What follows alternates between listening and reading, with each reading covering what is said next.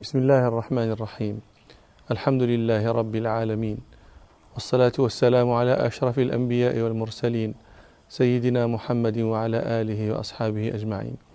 لا يزال حديثنا عن فتح مكة وقد دخل رمضان فخرج رسول الله صلى الله عليه وسلم بجيشه إلى مكة. روى البخاري ومسلم في صحيحيهما. عن ابن عباس رضي الله عنهما أن النبي صلى الله عليه وسلم خرج في رمضان من المدينة ومعه عشرة آلاف وذلك على رأس ثمان سنين ونصف من مقدمه المدينة. فسار هو ومن معه من المسلمين إلى مكة وسأل الله أن يعمي على قريش خبره حتى يبغتهم في بلادهم. وقد اتفق أهل السير والمغازي على أنه صلى الله عليه وسلم خرج في عاشر رمضان من المدينة وأنه صلى الله عليه وسلم دخل مكة لتسع عشرة ليلة خلت من من رمضان.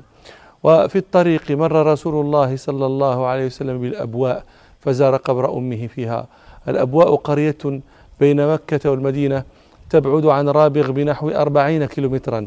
ماتت بها آمنة بنت وهب أم رسول الله صلى الله عليه وسلم. كانت قدمت به على أخواله من بني عدي بن نجار أخوال جده عبد المطلب. تزيره إياهم. فماتت وهي راجعة بالأبواء بين مكة والمدينة فزار رسول الله صلى الله عليه وسلم قبرها لما كان في طريقه إلى مكة. روى مسلم في صحيحه. عن أبي هريرة رضي الله عنه قال زار النبي صلى الله عليه وسلم قبر أمه فبكى وأبكى من حوله فقال استأذنت ربي في أن أستغفر لأمي فلم يؤذن لي. واستأذنته أن أزور قبرها فأذن لي فزوروا القبور فإنها تذكر الموت. وروى الحاكم عن بريدة بن الحصيب رضي الله عنه أن النبي صلى الله عليه وسلم زار قبر أمه في ألف مقنع فما رؤي أكثر باكيا من ذلك اليوم. ومضى رسول الله صلى الله عليه وسلم فلما كان ببعض الطريق لقي عمه العباس بن عبد المطلب وقد جاء بعياله من مكة مهاجرا إلى المدينة. وكان العباس قد أسلم قبل فتح خيبر على الصحيح وقد تقدم لنا هذا. ففرح رسول الله صلى الله عليه وسلم به فرحا عظيما. وهو يعد آخر من هاجر إلى المدينة لأن بعده فتحت مكة وقد قال صلى الله عليه وسلم لا هجرة بعد الفتح. ولقي رسول الله صلى الله عليه وسلم أيضا أبا سفيان بن الحارث بن عبد المطلب وعبد الله بن أبي أمية بن المغيرة المخزومي. فأسلموا. روى الطبراني في معجمه الكبير والحاكم في مستدركه عن ابن عباس رضي الله عنهما قال مدى رسول الله صلى الله عليه وسلم وأصحابه عام الفتح حتى نزل مر الظهران في عشرة آلاف من المسلمين. فسبعت سليم سبعت أي أكملت سبعمائة مقاتل. قال وألفت مزينة أي كملت ألف رجل. قال وفي كل القبائل عدد وإسلام وأوعب مع رسول الله صلى الله عليه وسلم المهاجرون والأنصار. أوعبوا أي خرجوا كلهم فلم يتخلف منهم أحد. وقد عميت الأخبار على قريش فلا يأتيهم خبر رسول الله صلى الله عليه وسلم ولا يدرون ما هو صانع وهم يعلمون أنه لا محالة صانع شيئا. وكان أبو سفيان بن الحارث وعبد الله بن أبي أمية بن المغيرة قد لقيا رسول الله صلى الله عليه وسلم بنيق العقاب في ما بين مكة والمدينة فالتمس الدخول عليه فكلمته أم سلمة فقالت يا رسول الله ابن عمك وابن عمتك وصهرك ابن عمك هو أبو سفيان بن الحارث بن عبد المطلب الحارث وعبد الله أخوان. وابن عمتك وصهرك هو عبد الله بن أبي أمية بن المغيرة المخزومي. هو ابن عمة رسول الله صلى الله عليه وسلم لأن أمه هي عاتكة بنت عبد المطلب عمة رسول الله صلى الله عليه وسلم وهو صهر رسول الله صلى الله عليه وسلم لأنه أخو أم سلمة لأبيها. أم سلمة رضي الله عنها هي هند بنت أبي أمية بن المغيرة. فهو أخوها لأبيها فلذلك قالت له ابن عمتك وصهرك فقال صلى الله عليه وسلم لا حاجة لي فيهما أما ابن عمي فهتك عرضي لأن أبا سفيان بن الحارث كان عامل النبي صلى الله عليه وسلم معاملة قبيحة وهاجاه غير مرة حتى أجبه حسان بن ثابت رضي الله عنه بقصيدته التي يقول فيها هجوت محمدا صلى الله عليه وسلم. هجوت محمدا فأجبت عنه وعند الله في ذاك الجزاء. وقال صلى الله عليه وسلم وأما ابن عمتي وصهري فهو الذي قال لي بمكة ما قال. يذكر أن آه، ابن عمتي هذا قال له بمكة والله لا أؤمن بك حتى تتخذ سلما إلى السماء فتعرج فيه وأنا أنظر. ثم تأتي بصك وأربعة من الملائكة فيشهدون معك بأن الله قد أرسلك. فلما خرج الخبر إليهما بأن رسول الله صلى الله عليه وسلم لا يريد رؤيتهما وكان مع أبي سفيان بن الحارث ابن له قال والله ليأذنن لي رسول الله صلى الله عليه وسلم أو لآخذن بيد ابني هذا ثم لنذهبن في الأرض حتى نموت عطشا أو جوعا. فلما بلغ ذلك رسول الله صلى الله عليه وسلم رق لهما فدخلا وأسلما فأنشده أبو سفيان. قوله في إسلامه واعتذاره مما كان مضى فيه آه، لعمرك إني يوم أحمل راية لتغلب خيل اللات خيل محمد صلى الله عليه وسلم. لك المدلج الحيران أظلم ليلة فهذا أوان الحق أهدى وأهتدي. هداني هاد غير نفسي ودلني إلى الله من طردت كل مطرد. أفر سريعا جاهدا عن محمد صلى الله عليه وسلم وأدعى ولو لم أنتسب لمحمد. هم عصبة من لم يقل بهواهم وإن كان ذا رأي يلم ويفند. يقال فلما أنشد رسول الله صلى الله عليه وسلم إلى الله من طردت كل مطردي ضرب رسول الله صلى الله عليه وسلم في صدره وقال أنت طردتني كل مطرد ذكرنا أن رسول الله صلى الله عليه وسلم خرج من المدينة في رمضان فكان صلى الله عليه وسلم صائما هو ومن معه حتى بلغ الكديد فأفطر. روى البخاري ومسلم في صحيحيهما عن ابن عباس رضي الله عنهما أن رسول الله صلى الله عليه وسلم خرج في رمضان من المدينة في عشرة ألاف وذلك على رأس ثمان سنين ونصف من مقدمه المدينة فسار هو ومن معه من المسلمين إلى مكة يصوم ويصومون حتى بلغ الكديد. الكديد ماء بين عسفان وقديد. آه، يعني هو عين جارية تبعد عن مكة بنحو تسعين كيلومترا. فلما بلغوا آه، الكديد أفطر صلى الله عليه وسلم وأفطروا وروى مسلم. عن أبي سعيد الخدري رضي الله عنه قال سافرنا مع رسول الله صلى الله عليه وسلم إلى مكة ونحن صيام قال فنزلنا منزلا. فقال رسول الله صلى الله عليه وسلم إنكم قد دنوتم من عدوكم والفطر أقوى لكم فكانت رخصة فمنا من صام ومنا من أفطر. قال ثم نزلنا منزلا آخر. فقال صلى الله عليه وسلم إنكم مصبحوا عدوكم والفطر أقوى لكم فأفطروا. فكانت عزمة فأفطرنا. ثم سار الجيش حتى نزلوا مر الظهران. مر الظهران هو موضع قريب من مكة شمالها.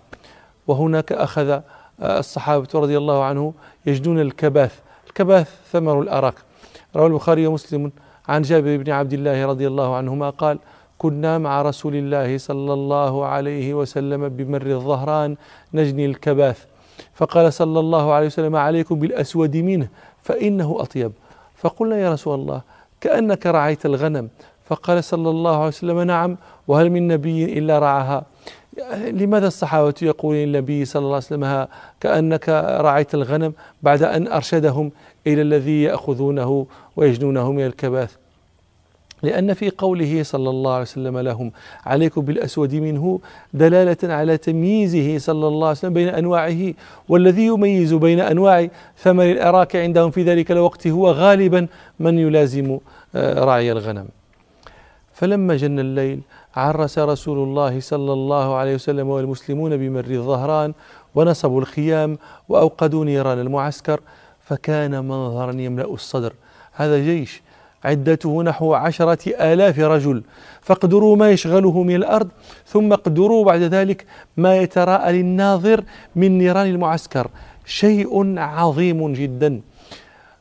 كنا ذكرنا فيما تقدم أن رسول الله صلى الله عليه وسلم سأل ربه سبحانه أن يعمي على قريش خبره حتى يبغتهم في بلادهم. فاستجاب ربنا سبحانه دعوة نبيه صلى الله عليه وسلم وأخذ العيون عن قريش فلم يأتهم خبر عن رسول الله صلى الله عليه وسلم ولا يدرون ما هو فاعل. فبعثوا أبا سفيان بن حرب يتحسس الأخبار. فخرج آه، هو ومعه حكيم بن حزام وبديل بن ورقاء يلتمسون الأخبار. فأقبل هؤلاء الثلاثة حتى دنوا من مر الظهران. فإذا هم بنيران عظيمة جدا ممتدة امتدادا هائلا فاستكثروها وفزعوا منها. كان العباس قبيل ذلك أراد أن يتخذ وسيلة إلى قريش ليأتوا رسول الله صلى الله عليه وسلم فيستأمنوه لأنه خشي أنه صلى الله عليه وسلم إذا دخل عليهم بغير استئمان فإنه صلى الله عليه وسلم سوف يستأصلهم. هكذا كان يظن. فخرج من معسكر المسلمين ينظر ما يصنع. روى الطبراني في معجمه الكبير عن ابن عباس رضي الله عنهما قال لما نزل رسول الله صلى الله عليه وسلم بمر الظهران قال العباس وصباح قريش نحن تقدم لنا أن هذه كلمة يقولها المستغيث وأصلها أن أنها يصاح بها الغارة لأنهم أكثر ما كانوا يغيرون عند الصباح. قال العباس وصباح قريش. والله لئن دخل رسول الله صلى الله عليه وسلم مكة عنوة قبل أن يستأمنوه إنه لهلاك قريش إلى آخر الدهر. قال العباس فجلست على بغلة رسول الله صلى الله عليه وسلم البيضاء فخرجت عليها حتى جئت الأراك. فقلت لعلي ألقى بعد الحطابة أو صاحب لبن أو ذا حاجة يأتي مكة فيخبرهم بمكان رسول الله صلى الله عليه وسلم ليخرجوا إليه فيستأمنوه قبل أن يدخلها عليهم عنوة. قال فوالله إني لأسير عليها وألتمس ما خرجت له إذ سمعت كلام أبي سفيان وبديل بن ورقاء وهما يتراجعان وأبو سفيان يقول ما رأيتك اليوم قط نيرانا ولا عسكرا قال فيقول بديل هذه والله نيران خزاعة. هو خزاعي ويقول هذه نيران خزاعة. لو كانت نيران خزاعة لا وهو سيد من سادتها لكان أعلم الناس بها. قال هذه والله نيران خزاعة حمشة الحرب هيجتها. فقال أبو سفيان خزاعة والله أذل من أن تكون هذه نيرانها وعسكرها. أبو سفيان يعرف خزاعة ويعرف عددها وهذه النيران أعظم بكثير من أن تكون نيران خزاعة فقط. فقال عباس فعرفت صوته فقلت يا أبا حنظلة فعرف صوتي فقال أبو الفضل فقلت نعم قال ما لك؟ فدك أبي وأمي. فقلت ويحك يا أبا سفيان هذا رسول الله صلى الله عليه وسلم في الناس وصباح قريش والله. قال فما الحيلة فدك أبي وأمي؟ قال فقلت والله لئن ظافر بك ليضربن عنقك. فاركب معي هذه البغلة حتى آتي بك رسول الله صلى الله عليه وسلم وأستأمنه لك. قال فركب خلفي ورجع صاحبه. فحرك به انطلق آه، العباس وخلفه آه، أبو سفيان على آه، بغلة رسول الله صلى الله عليه وسلم فدخلوا العسكر. طبعا يمرون بنيران المسلمين. قال كلما مررت بنار قالوا من هذا؟ فإذا رأوا بغلة رسول الله صلى الله عليه وسلم قالوا عم رسول الله صلى الله عليه وسلم على بغلته.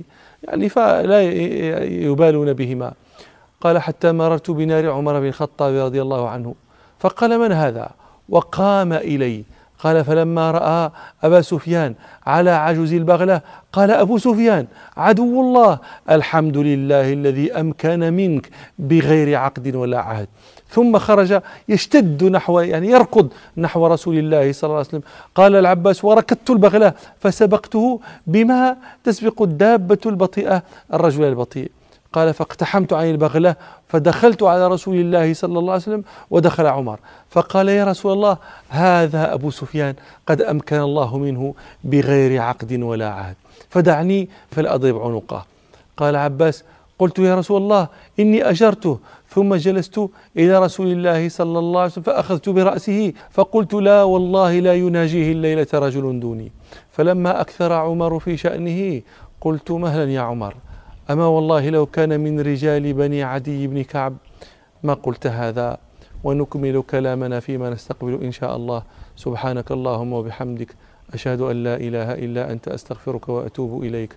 والحمد لله رب العالمين.